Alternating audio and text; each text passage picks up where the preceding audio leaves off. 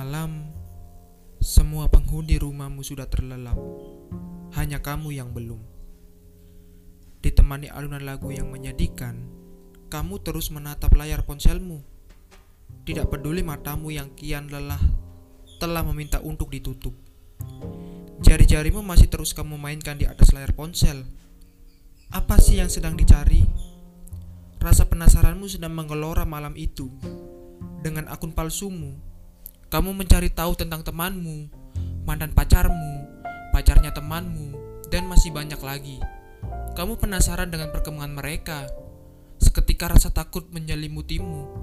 Takut tidak bisa seperti mereka. Takut dengan kemungkinan gagal yang terjadi. Tanpa kamu sadari, kamu sudah membandingkan dirimu dengan mereka.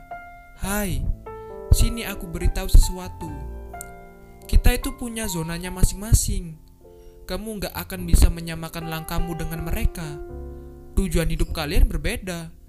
Impianmu tidak sama dengan mereka. Ayo berhenti. Tutup ponselmu. Jangan lagi membandingkan dirimu dengan mereka.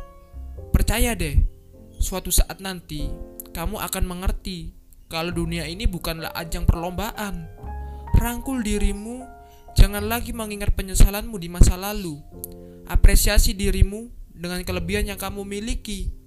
Jangan pernah berhenti berusaha ya. Kalau gagal ya bangkit lagi.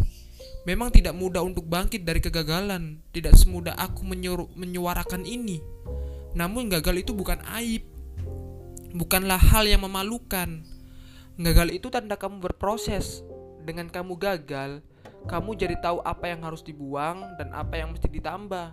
Gagal, coba lagi, cari jalan lainnya.